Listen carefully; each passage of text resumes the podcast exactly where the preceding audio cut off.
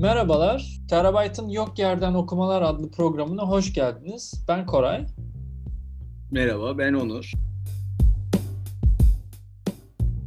Onur'la birlikte biz her ay e, Ütopya Edebiyatı'ndan, bilim kurgu edebiyatından, distopya edebiyatından çeşitli eserleri okuyup, her ay okuyup e, yorumluyoruz ve sohbet ediyoruz, üzerine tartışıyoruz. E, geçen ay biliyorsunuz William Morris ve Edward Bellamy'i okumuştuk. Bu ayda Karel Çapek'in Rossum'un Evrensel Robotları adlı tiyatro metnini okuduk. Onun üzerine konuşacağız. Neden bu eser üzerine konuşacağız diye soracak olursanız, e, bugünkü robot diye her gün kullandığımız e, kelimeyi aslında tam bundan 100 yıl önce oynanmış olan bir tiyatro oyununa, Prag'da oynanmış bir tiyatro oyununa borçluyuz. O da Karel Çapek'in e, Rossum'un Evrensel Robotları adlı e, bu oyun. Şimdi ro- robot hakkında e, bildiklerimiz neler? E, mesela işin ilginç kısmı robot e, Çekçe'de emek, angarya emek, e, angarya iş anlamına geliyor. Buna Despina Kakudaki şöyle bir şey diyor yani robotun daha etimolojik olarak böyle bir insandan aşağı ve hep e, işçi sınıfını tabii ki imleyen e, ve hep de isyana ve yok oluşa ve tek tipliğe mahkum olan bir yerde duruyor. E, benim ilginç bulduğum şeylerden biri, biz tabii çok modern okurlar olarak yaklaşıyoruz bu metne. Yani robot dediğimiz zaman aklımıza hemen bu Japonların veya işte her yerde gördüğümüz popüler kültürde, filmlerde gördüğümüz e, belirli bir robot temsili geliyor. E, fakat oysa Karal Çapek'in bu e, Rossum'un Evrensel Robotları adlı tiyatro metninin başında robotlara ait bir tanım var. Daha doğrusu robotların nasıl göründüğüyle ilgili. Bu robotlar tabii ki tek tip, ifadesiz, e, suratsız, kısa ve kesik konuşmaları olan e, varlıklar. E, ama oldukça sade ve bir tür serfi yani feodal dönemden kalan bir işçiyi de sembolize ediyorlar ve onun kalıntısını taşıyorlar. Fakat Despina Kaku'daki Robot Anatomisi adlı kitabında New York'ta oynanan sanırım 1926 olmalı. Ee, ilk Prag'da oynanıyor 1921.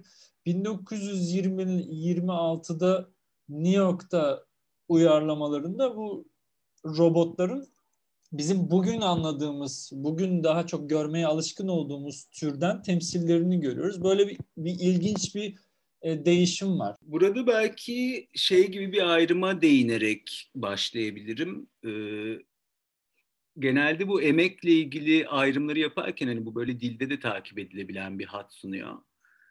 Ee, robota kelimesi ya da robota Rusça'da, robota Lehçe'de e, diye görüyorum şu an önümdeki notlarda. E, genelde acılı ve zorlu emek süreçlerini anlatan kelimeler. E, ve bunun yanında aynı zamanda daha böyle yaratıcı emeği, belki kısmen zihinsel emeği de kapsayan e, farklı dillerde başka emek türlerini farklı isimlerde vermişler. E, tabii burada bizim anladığımız modern okuyucunun anladığı şeklindeki robot kelimesine gitmek için belki başka kelimeleri takip etmek gerekiyor tarihte.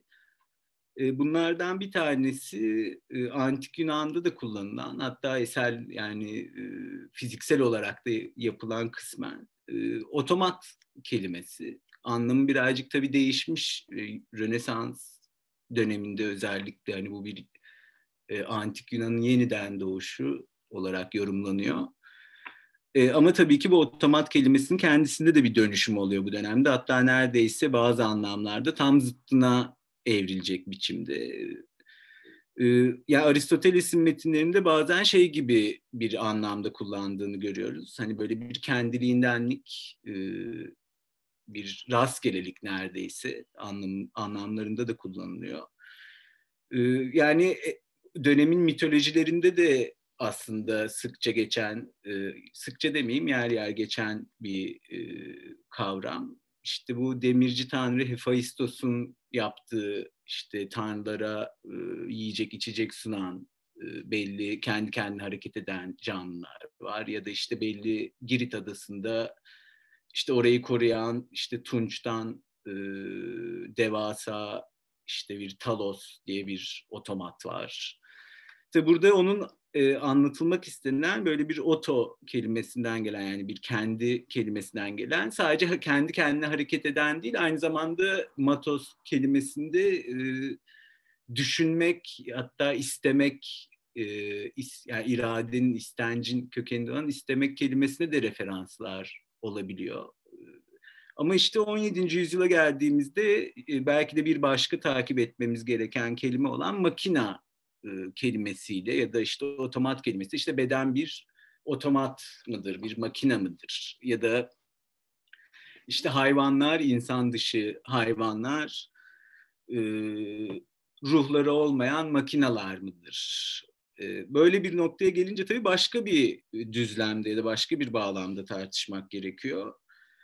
E, burada tabii kullanılan kelime bedenin bir makina ya da bir otomata dönüşmesi belli tarihsel süreçlere de yani sömürgecilik süreçlerine, köleliğe falan da bağlanabilir. Kimin insan olduğu ile ilgili sonuçta bir soruna yol açıyor en temelinde. Ee, ama benim e, bana ilginç gelen yanı e, kesinlikle o dönemdeki tartışmalarda hani bu makina kelimesini yani Descartes'in de kullandığı ve sonrasında işte bir sürü dönemin neredeyse felsefecilerinin e, çoğunda bedene dair yorumlarda görebileceğimiz işte Hobbes'te olsun, Leibniz'de olsun. Bu makine referansı bizim bugünkü anladığımız şekilde bir eksiklik ya da bir e, ne derler ya insan olamamaklık anlamında kullanılmıyor. Makine aslında bir çeşit insan eylemesini ya da bir beden eylemesinin nasıl eylediğiyle ilgili bir problem ve aynı zamanda dünyanın ya da işte evrenin, uzayın mekandaki fiziksel objelerin nasıl hareket ettiğiyle ilgili de bir problem aynı zamanda. İşte bu anlam 19. yüzyılda epeyce değişti tahminimce. Ee, özellikle işte endüstriyel makinaların işin içine girmesiyle ve 20. yüzyılda belki de işte bu e, Çapek'in e, de katkılarıyla hani robot dediğimiz başka bir mefhum ortaya çıkıyor. Kendi kendine eğleyen şeyde. Bunun belki sonra ileride tarihsel süreçlerde neden böyle bir emek süreçlerine referansla değişen bir robot, makine ya da otomat e, anlamının değişmesini belki takip edebiliriz. Yani burada zaten eserin tarihsel konumlandırmasını e, biraz daha yapalım. Senin de çok güzel buraya kadar getirdiğin şekliyle. E, 1921 dedik. Bu eserin bir de çok e, kabaca, basitçe ne anlattığını önce söyleyip sonradan bu eser hangi ortamın ürünü e, diye kısaca e, bahsedebiliriz. Ya bu eser temelde bir adada e, Rossum'un bir bilim insanının robot icat edip adada kendi tesisini kurmasıyla kurmasından itibaren çok büyük başarılar kazanmış ve e, nasıl diyelim yani es, eserin Kemal e, gidişatından başka da düşünemiyorum aslında. E, çünkü eser bir Helena adlı hümanist bir kadının adaya gelişiyle başlıyor ve burada o tesisi robotların nasıl yapıldığını vesaire görüyor. Daha sonrasında tabii ki kadın çok e, duygusal, humanist, insancıl bir yerden bakıyor robotlara. Fakat e, oranın sahipleri oldukça akılcı, rasyonel bir yerden bakıyor. Ve tabii ki bunu kutluyorlar, e, olumluyorlar nihayetinde. En ucuz iş gücüne sahip olduklarını, en en ucuz iş, iş gücünü sonunda bu robotlar sayesinde elde ettiklerini düşündükleri için. Ama sonunda ne oluyor? Robotlar isyan ediyor. Herkesi öldürüyorlar. O son kısmı ayrıca konuşacağız. E, şimdi söylemeyeyim. E, eser kabaca böyle. Peki burada 1921'de sahnelenmiş bu eser hangi düzlemleri bize veriyor. Bunlardan birincisi e, senin de dediğin gibi yani Taylorist sistem aslında emeğin nicelleştirilmesi, en küçük birimlerine ayrılması. Bunu en popüler kültürde herkesin aklına kazınmış bir imge olarak Charlie Chaplin'in Modern Zamanlar 1936 tarihli Modern Zamanlar filminden direkt e, örnekleyebiliriz. E, aynı zamanda yani yabancılaşma süreçlerinin de bir ifadesi olarak genelde okunur. Taylorist sistem bir yerde, e, öteki tarafta bir Birinci Dünya Savaşı gibi çok felaketvari bir savaş gerçekleşmiş. İnsanlar adeta robotlar gibi e, birbirlerini kıymışlar ve genelde biz İkinci Dünya Savaşı'nın çok katastrofik sonuçlarını e, popüler kültürde ve yani genelde hafızalarda o çok yer, yer edinmiştir. E, ama hatırladığım kadarıyla e, mesela Eric Hobsbawm aşırılıklar çağının başlarında Birinci Dünya Savaşı'nın ne kadar felaket bir savaş olduğunu genelde unutuyoruz diye bir hatırlatma da yapıyordu. E, ve savaş bir yerde, iki savaş arası bir dönem. E, insanların robot e, hem iş işin, emeğin adeta robot bugün modern anlamda robotlaştırılması yani işçi sınıfının insandan az ruhsuz bir makineye indirgenmesi Taylorist sistem bir tarafta savaşın e, aynı bunu yapması e, insanları feda etmesi öteki tarafta da e, Sovyet devrimi ve bu da tabii ki işçi sınıfı açısından olumlu bir tarafta. Bunu eserde görüyoruz. Yani robotlar bilinçlenip isyan ediyorlar. Bu üç bunu söyleyen de hatırladığım kadarıyla Minso Kang'tı. Otomatların dönüşümünü anlatırken. E, eserin tam da bu e, üç tarihsel uğrağın e, bir neredeyse hepsini taşıyan hem savaş karşıtı hem emek mücadeleleriyle ilgili hem de bir soru soran, insan nedir'e dair bir soru soran bir yerde durması önemli. Şey çok ilginç, bu adada olması biraz ilginç geliyor. Çünkü biz ilk programda Ütopya'nın ada karakterinden çok bahsettik. Thomas More'un Ütopya'sının ada karakterinden. Peki burada da neden bu tesis, bu robotların üretim tesisi neden adada? Burada çok tersine dönüş, bir distopyacı bir tersine dönüş mü var? Ee, bilmiyorum ne düşünüyorsun? Yani çok güzel özetledin. Ee, benim de buna benzer bir şekilde kitapta böyle farklı kelimelerle sürekli tekrarlanan işte bir insan emeğinden robot emeğine geçiş ya da işte insan askerlerden robot askerlerden oluşan ordulara geçiş gibi sürekli bir geçiş dönemi, bir adaptasyon süreci ve bunun işte zorlu olacağında sürekli bir vurgu var kendi içinde bulunduğu herhalde dönemin belirsizliklerine de ya da belirliliklerine ve belirsizliklerine bir arada yapılan vurgular. Yani ben böyle birazcık daha belki uzun e, dönemlere bakan tarihsel sosyolojiden birazcık alıp getirebilirim. Nasıl bir e, sıkışma ya da nasıl bir kriz dönemi diyelim bu içerisinde bulunduğu Çapey'in iki dünya savaşı arasında. Yani burada birazcık şeylere değinmek gerekiyor e, bu uzun dönemlerini, kapitalist dünya ekonomisinin uzun dönemlerine bakan analizler, yani işte dünya sistemleri analizi olsun ya da başka makro ölçekteki tarihsel sosyoloji e, çözümlemeleri olsun. E, şöyle bir e, görüş ortaya atıyorlar. Özellikle Arigi'de e, merak edenler için çok rahatlıkla takip edilebilen bir çözümleme biçimi bu kapitalizm en baştan beri belli bir materyal birikim ve bir ara krizden sonra bir finan şey materyal büyüme evresi geçiriyor. Bu her döngüde gerçekleşen, her birikim döngüsü diyeyim içerisinde bir materyal genişleme ve peşinden gelen bir ara krizden sonra bir e, finansal genişleme ve bir son kriz aşaması yaşıyor. Bu her birikim döngüsü de de dünya ölçeği yani dünya ölçeğinin bütün dünyayı kapsamıyor tabii ki ama kendi içinde bir sistem olarak bir dünya olarak işleyen bir sistem olduğu için kapitalizm o anlamda yani kapitalist dünya ekonomisi ölçeğinde diyeyim belli hegemonya dönemlerine denk geliyor. Şimdi e, 17. yüzyıla dönüp de bu makine bedenler ve oto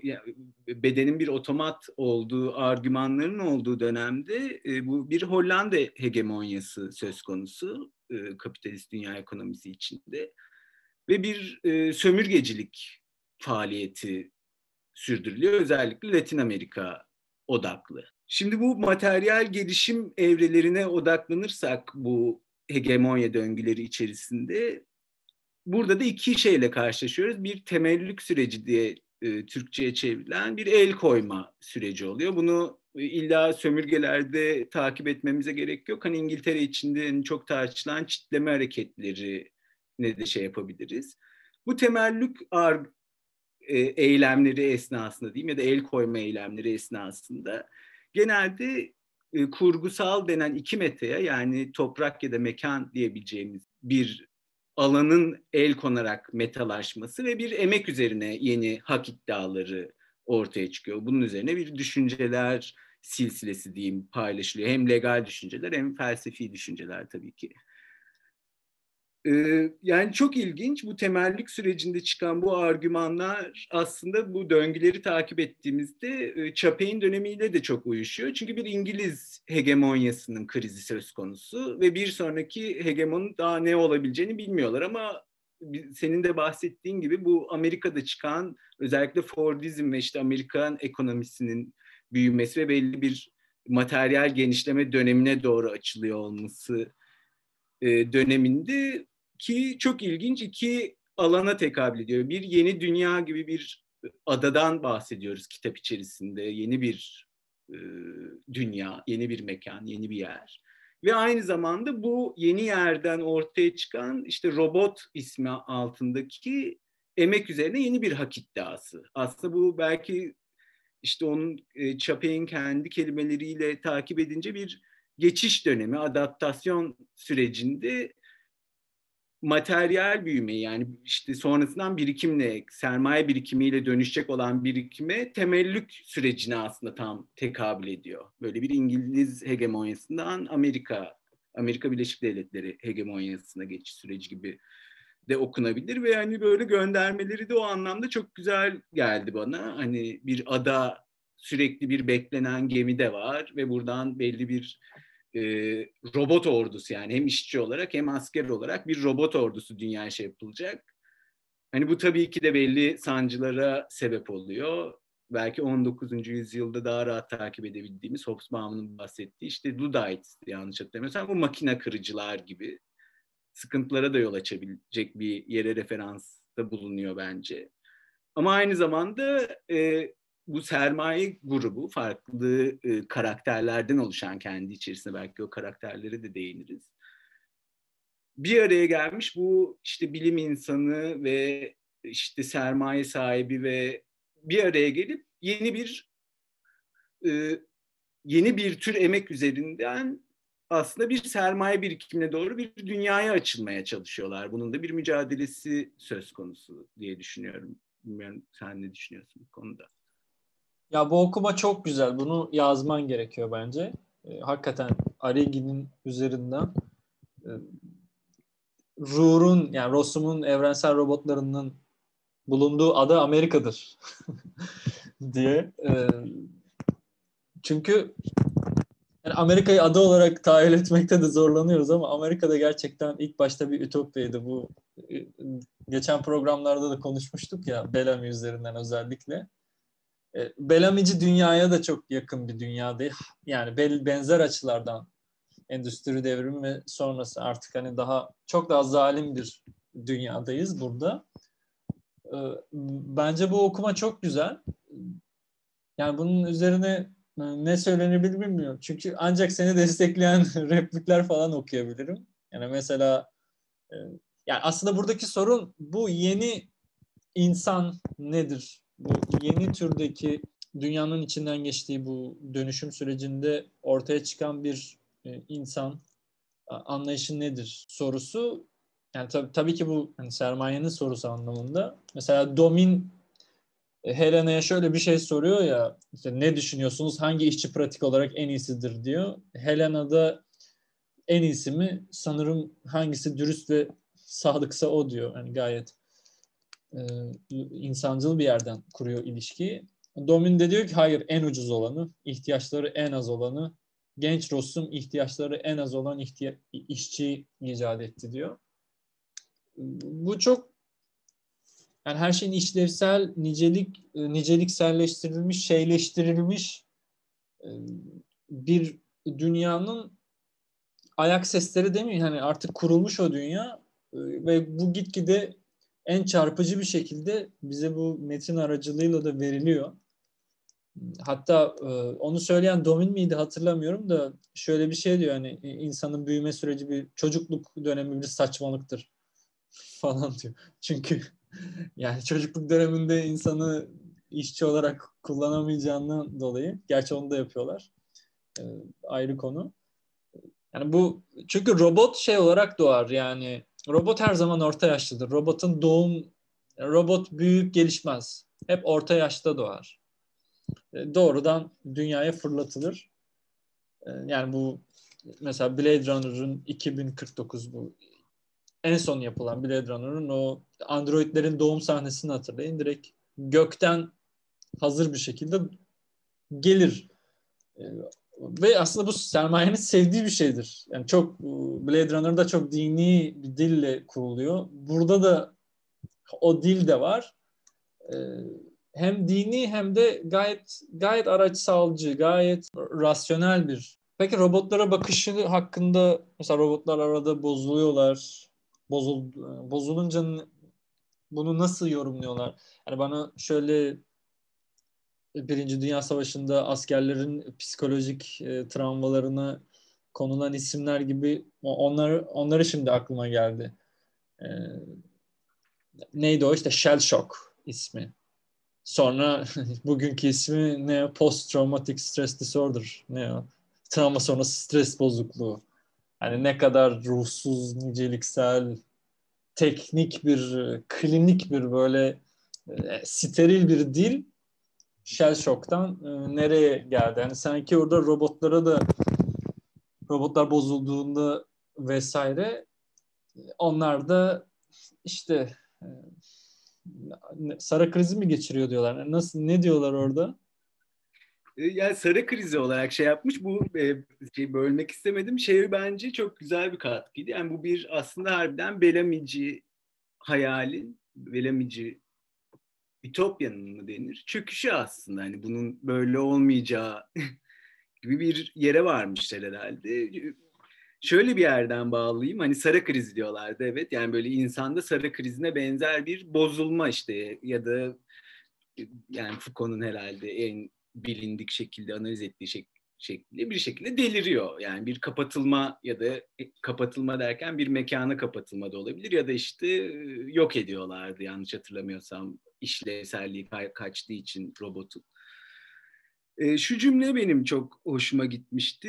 E, kusura bakmayın sayfa numarasını hatırlay yani yazmamışım. Hiçbir şey bir insana robottan daha yabancı değildir. Bu yani bir yandan beni şeye sürükledi düşünme olarak. Bu Freud'un e, kavramsallaştırdığı tekinsiz diye çeviriyorlar sanırım. E, orijinalinde unheimlich, İngilizcesinde uncanny diye geçen. Hani bir yandan çok tanıdık olan, neredeyse birebir aynı ve bizim için çok neredeyse içsel olan bir şeyin aynı zamanda çok yabancı gelmesi durumu. Ee, yani yaşadıkları sıkıntılarda da işte Helena ile olan tartışmaların çoğunda da işte robotları tarif ederken iradesiz, tutkusuz, tarihsiz, ruhsuz ama bir yandan da neredeyse bizim gibi derileri olan, bizim gibi kıyafetler giyen, e, bizim gibi olan aslında varlıklardan bahsediyor. E, ve tabii bunlar da belli ne diyelim bozulmalar yaşıyorlar e, karakterlerin tabiriyle. E, ve bu bozulmalar da aslında bizde belki harbiden sinir krizi diyebileceğimiz ya da işte o sara nöbetine benzeyen şeyler aslında bir duygu durumunun ortaya çıkışını görüyoruz robotun içerisinde.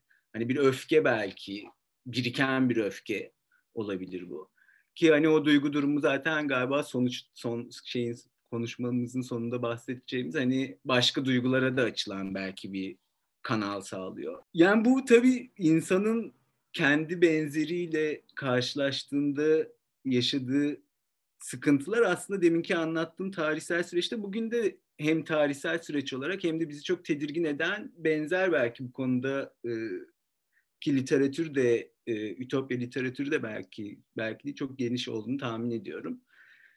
E, yani benzer bir krizin içerisinde olduğumuz çok açık bu birikim krizlerinden devam edersen birazcık.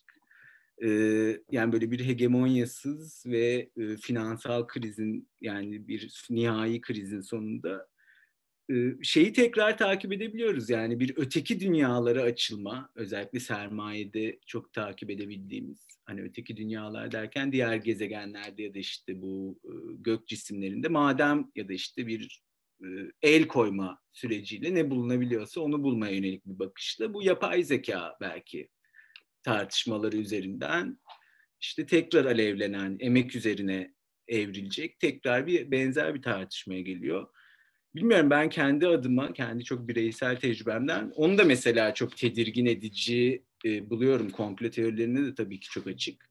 Hani sadece insan gibi düşünebilen e, canlılardan öte hani e, bu da ne derler belki birazcık işgal edici hani insan içine e, düş yani epilepsi krizlerini galiba çözmek içindi yapılan çalışmalar hani beyne yerleştirilen bir aparatla telefondan kontrol edilebileceğimiz bir şekilde diyelim sarı hastasıysak, krizin geldiğinde ya da başka bir hastalıktaysa kendi telefonumuzdan beyin sinyallerini değiştirerek bu hastalığın önlenebilecek çalışmalar yapılıyor olması hani bilmiyorum böyle robotla insan arasındaki sınırların tamamen belirginsizleştiği belki işte onda güzel isimleri vardı Android ya da ne diyorlar tam şey yapamadım hani böyle insan robot alaşımı bir hale gelmek. Robotlar insanlaşırken insanların robotlaşacağı bir dönüşüme belki referans oluyor. Yani bu da bence birazcık tedirgin edici ya da işte üzerine belki düşünülmesi gereken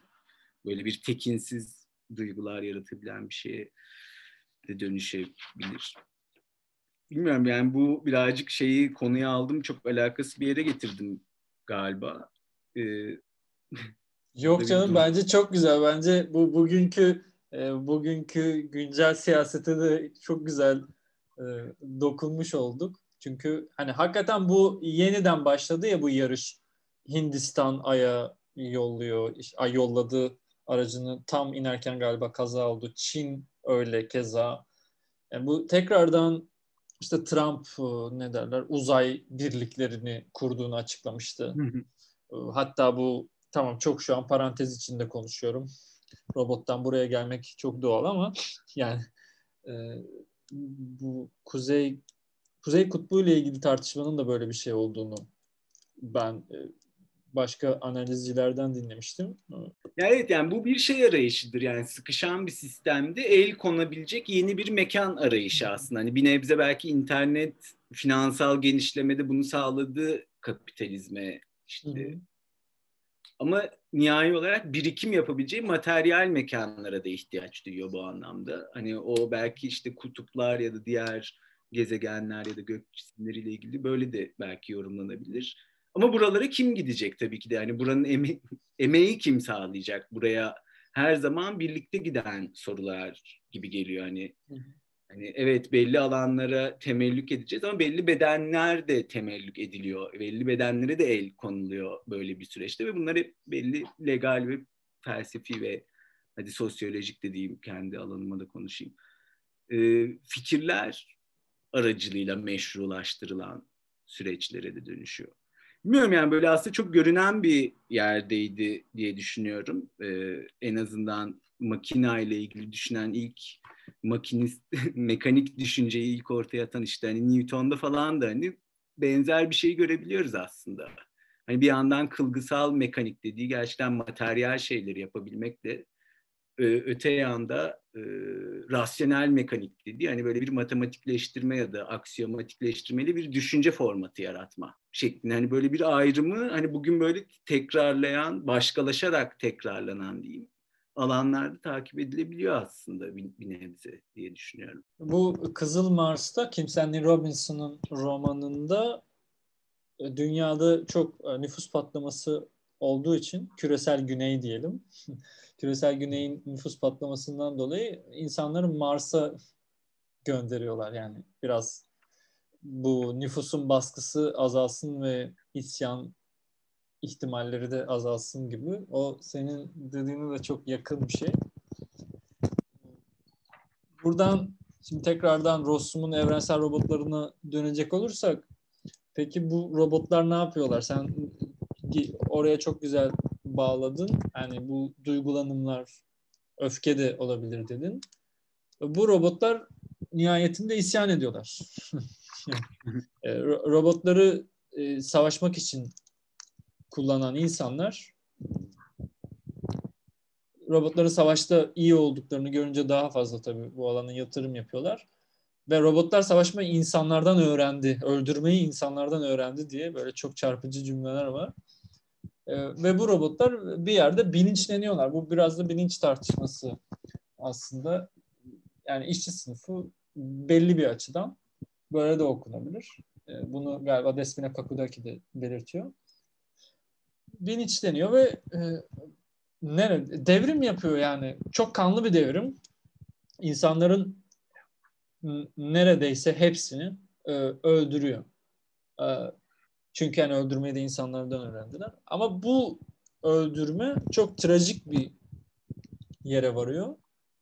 E, çünkü şöyle bir soru robotlar nasıl kendini yeniden üretecek? Kendini yeniden üretecek bir formülleri yok. O formüller insanlardaydı. Tek bir kişiyi ayakta bırakıyorlar. E, canlı bırakıyorlar. O da Alquist diye bir mühendis. E, o da e, yıkmaktan çok aslında yap, yapan bir insan olduğu için e, elleriyle bir şeyler yapabilen bir insan olduğu için onu hay, e, hayatta tutuyorlar. Sanırım yani robotlar bir duygudaşlık kuruyor. E, bir şeyler inşa edebilen, elleriyle bir şeyler eyleyebilen bir insan. Diğerleri gibi değil. Diğer o işte Domin gibi veya sermayedar vesaire. Sadece onları işlevsel kullanan zalim insanlardan biri olmadığı için. Robotların bir tanesinin şöyle bir sözü var. Yani bu neredeyse Komünist Manifesto'ya benziyor. Yani öyle bir tın, öyle bir tınısı var hani. Dünya robotları, insanoğlunun egemenliği çöktü. Fabrika fethiyle evrenin efendileri olduk. İnsan etabı bitti. Robotların egemenliğinde yeni bir dünya kuruluyor. Falan diye.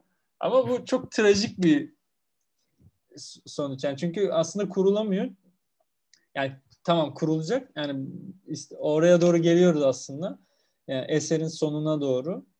Ee, tek hayatta bıraktıkları, yaşar kıldıkları Alquist bir formül için sanırım robotların üzerinde deney yapması gerekiyor. Ama bu deney tabii ki o robotun ölümüyle sonuçlanacak.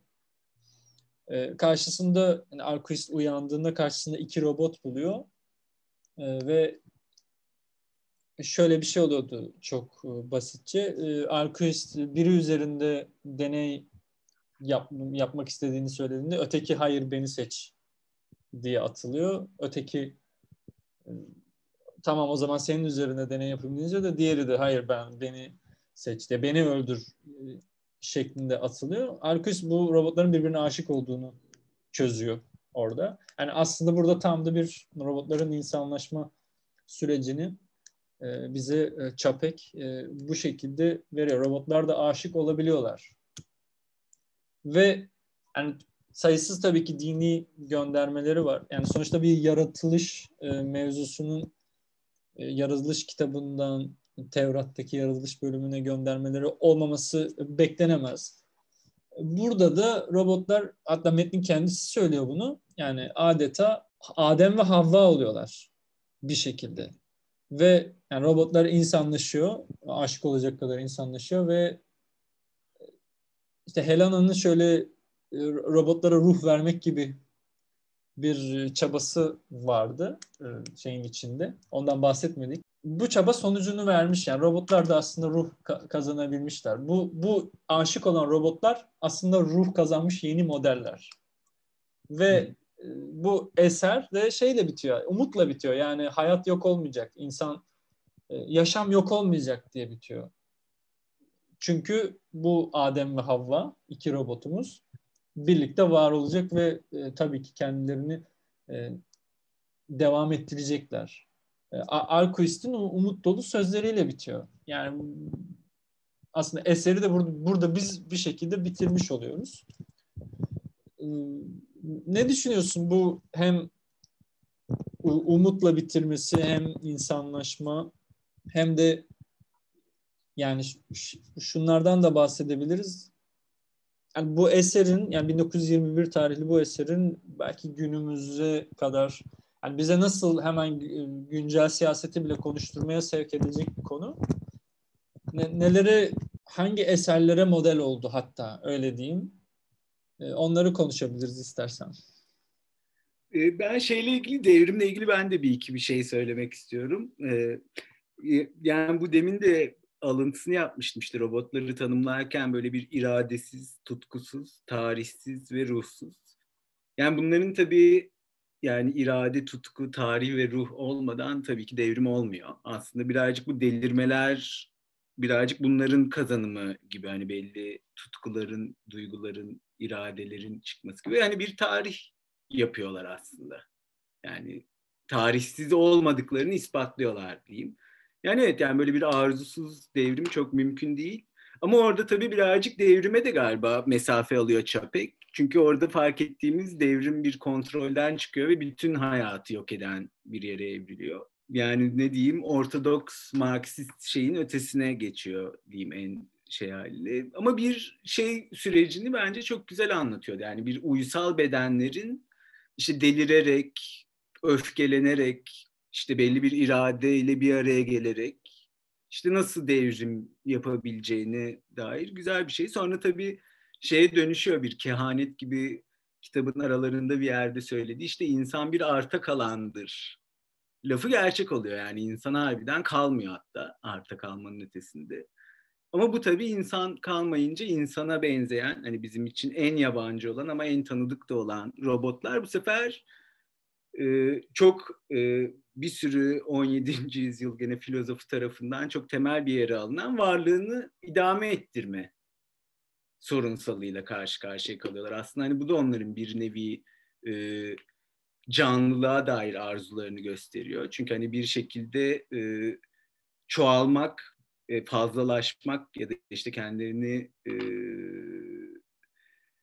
sağaltmak istiyorlar diyeyim. E, e burada da elimizde bir dünyada belki de kalan son insan olan işte mühendis e, arkadaşımız aslında çok ilginç bir güç pozisyonunda kalıyor. Hani bütün tür türdeşleri, türdaşları ya da ölmüş bir insan kendisi bir köle olacakken tamamen bilgisi sayesinde işte bu belki de bilgi güçtür diyenen işte bu e, Francis Bacon'ın çok e, alıntılanan sözü olan böyle bir gücünün farkına varıyor aslında. Hani işte ya, devam ettirsin mi etmez e, robotların e, soylarını devam ettirsin mi ettirmesin mi sürecinde.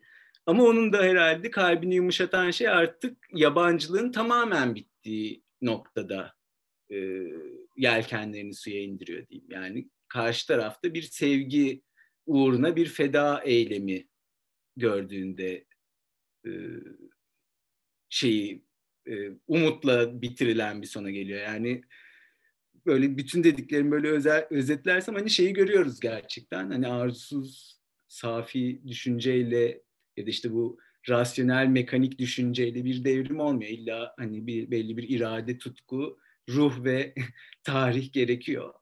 Ama e, umutların yeşerme, e, umutların sönmemesi için de e, bu kendi e, tarihlerini yazan ve uysal bedenler olmaktan dışarı çıkan karakterlerde bir sevgi e, yeşermesi gerekiyor yaşam için. Bilmiyorum ben böyle bir okumayı yer yer sıkıntılı bulmakla birlikte e, güzel buldum. Hani son senin dediğin gibi işte hani bu dine olan referanslarında belki birazcık beni e, zorladı diyeyim. Ama yani e, kısa küçük bir kitap ama belli ki çok e, farklı mecralara hani bir sürü farklı işte sosyopolitik olaylardan bir beden ne demektir? Farklı dönemlerde insan ne demektir hatta sorularına çok güzel düşünceleri yönelten bir kitap bence. Şeyi tabii o kısımlarda e, yani ben de senden dinlemek isterim bu bir ütopyaya şey olarak açılma anlamında yani ütopya literatüründe ya da işte bilim kurgu e, hem işte matbu eserlerde hem görsel eserlerde hani eminim ki çok fazla eseri derinden etkilemiştir diye düşünüyorum. Ya öyle görünüyor. Yani ben de kuş bakışı görebiliyorum. Çok derinlemesine bildiğimi söyleyemem ama yani genelde bir ilk bilim kurgu eserinin e, Frankenstein olduğu düşünülür. Yani o Frankenstein da bu, bu sorunların hepsini barındıran daha önce bir metin. E, ve yine tarihsel dönüşümlerin tıpkı Thomas More'un Ütopyası gibi. Yani aslında burada bahsettiğimiz her eser öyle amblematik ki yani o eseri bir Pandora kutusu gibi açtığınızda her tarafa e, kavramlar, tarihsel dönemler, e, dönüşümler saçılıyor. Ben Frankenstein'a çok benzetiyorum. Özellikle hani yaratma, insan tamam onu da çok farklı şekilde yorumlayabilirsin. Ne bileyim madem e, beni sevmeyecektin neden yarattın diyen o canavarı, isimsiz canavarın yani o sözlerini çok farklı şekilde de yorumlayabilirsin. Ama yani bu Rossum'un evrensel robotları yani hem kıyıda köşede kalmış gibi görünüyor ama ziyaret ettiğimizde görüyoruz ki aslında çok da merkezde duran yani o dönemin sonrasında da bugüne kadar pek çok şeyi kalıntı olarak da kaldığını, onu taşıdığını görüyoruz. Yani ben e, öncesinde Chaplin'in modern zamanlarına örnek verdim bu robotlaşma süreciyle ilgili. Ama onun e, ondan biraz sonra 1926 tarihli olması gerekiyor sanırım. Fritz Lang'ın Metropolis adlı filmi. Yani bu bütün distopya mega kent, e, distopya eserlerinin en amblematik, en e, köken örneklerinden biri. İşte insanlar sırada dizilmiş, ruhsuz varlıklar, işçi sınıfı, o büyük mega kent, metropolis zaten ismi yani. O şehir, yani makine şehir olarak bir film. Yani bugün işte oradan Blade Runner'a sıçramak hiç zor değil. Veya biraz öncesinde Terminator'ı, Robocop gibi e, onlara sıçramak hiç zor değil. Yani Blade Runner Metropolis arasında Blade Runner 1982 galiba. Yani 60 yıl varmış gibi görünüyor. 50-60 yıl var belki ama aynı soyun devamı gibi. Ve bu Karaçapek'in ruhu da e, bu şekilde okunabilir. E, oradan Matrix'e kadar gidebiliriz. Yani Matrix'in ilk filminde de hatırlarsak hani insanlar robot. Yani o daha rafine bir şekilde tamam Taylorist bir eleştiri yok belki. Postmodern dönemdeyiz ama yine de o tüketim kültürü dolayı mı, gösterge rejimi, onların insanları uyutması, e, insanların aslında baktığımızda bir ne o işte o varlıklara enerji kaynağı olduğunu falan görüyoruz ya. Yani o geçişler yapılabiliyor. Yani tabii ki içinde bulundukları tarihsel dönemin damgalarını çok taşıyorlar. Yani Rur mesela çok taşıyor. Yani biraz bazı kalıntıları bazen zorlama olarak da yapıp zorlama okumalarla buraya da taşıyabiliriz. Ama ben hani gerçekten e, eseri okuduğum için gayet memnun oldum. Çünkü e, bayağı bir kilit bir yerde durduğunu görmüş olduk yani. Bu seninle de konuşunca gay- gayet güzel açıldı bu süreçler. Yani benim söyleyeceklerim bu kadar açıkçası. Yani bu eseri okuduğum için de memnun oldum. Seninle de böyle sohbet etmek güzel oldu. Ee, artık hani son sözleri alalım ne dersin? Ee, yani benim son söz olarak aklıma e, işte bir makine düşünebilir mi e, bu el, e, Turing'in sorusundan gelen Cahit Arif'in de çok güzel bir makalesi var merak edenler için. Erzurum'da halka açık olduğunu tahmin ettiğim bir konuşmada. Yani aklıma şöyle bir yer geliyor. O anlamda çok hoşuma da gitti. Hani bu demin de bahsettiğim rasyonel mekanik düşünce çizgisi içerisinde evet bir yapay zeka zeki olabilir tabii ki. Hani zekayı eğer böyle bir nicel bilgi, malumat olarak görürsek. Ama yani kitabın da bize anlattığı yani bu işte kitaptaki devrim anında da gözüken böyle bir dizge dışından düşünmek yani ona verilenin ötesinden bir şey katarak getirerek bir tecrübeyle işte oradaki yani tarihsizi tarihli olana tarih tarihe sahip hale gelerek eylemek anı benim çok hoşuma gitti. Hani bu tabii ki yani bizim de böyle en alışık olduğumuz yani neredeyse derimiz gibi bize e, yakın olan işte belli düşünceler, düşünce kalıpları, işte belli ideolojiler ya da işte zihniyetler, bu mentaliteler açısından yani böyle insanı e, çok böyle sokratik bir şeye getiriyor işte. Hani böyle bir inci kendini incelemeye de yönelten bir yani devrim için yani bu devrim illa toplumsal siyasi bir devrimin olmanın ötesinde kişinin kendi içerisindeki değişimi değil ama böyle bir nitel dönüşme anlamında böyle bir dizge dış, dışına taşabilme olanağını göstermesi benim çok hoşuma gitti. Umut verdi diyeyim o anlamda. Hani bana umut veren birazcık o oldu. Hani sonrasındaki e, sevgi de tabii ki çok önemli bir yerde bağlıyor ama e, o anlamda beni çok etkiledi yani. Uysal bir bedenin ve belli komutlarla eyleyen, eyleyebilen bir bedenin işte tırnak içinde delirmeleriyle aslında kendi tarihine sahip çıkması ve bir nevi dizge dışından düşünebiliyor olması, kendine dayatılan sistemin dışından bir şey getirebiliyor olması. Ve benim son sözlerim bu. Ben yani kitapta beni en vurucu gelen şey buydu. E, herkes için bir umut var demek ki diyorum. Hmm. Kendimi de dahil ederek herkese. Çok güzel. Dizge düşünden düşünmek. Bu güzel başka bir konu bu hakikaten. Bilinçlenme de değil. Yani çok tartışıyor daha çok hani e, matematiksel dizgeler üzerinden ama hani böyle bir analoji kurmak ve bunu hani böyle bir ütop, ütop bilim kurgu eserinde görmek hoş bence. Yani öyle iki alanı birbirine dokundurabilmek anlamında. Yani bence çok güzel. Çünkü biz bunu bu düşünceye de alışık değiliz. Genelde ben de başka biriyle ilgilenirken benzer bir işte A sisteminin içinde B sistemi sana zırvalık olarak görünür. B sistemini o dizgeye, o sisteme geçtiğinde A sana saçma gelecektir. Ama bunların ortaklaştığı bir şey var mı? A ile B arasında. Yani bu, bu ortak konumu bulabilir misin? Ee, buna da işte Kojin Karatani transkritik diyecek.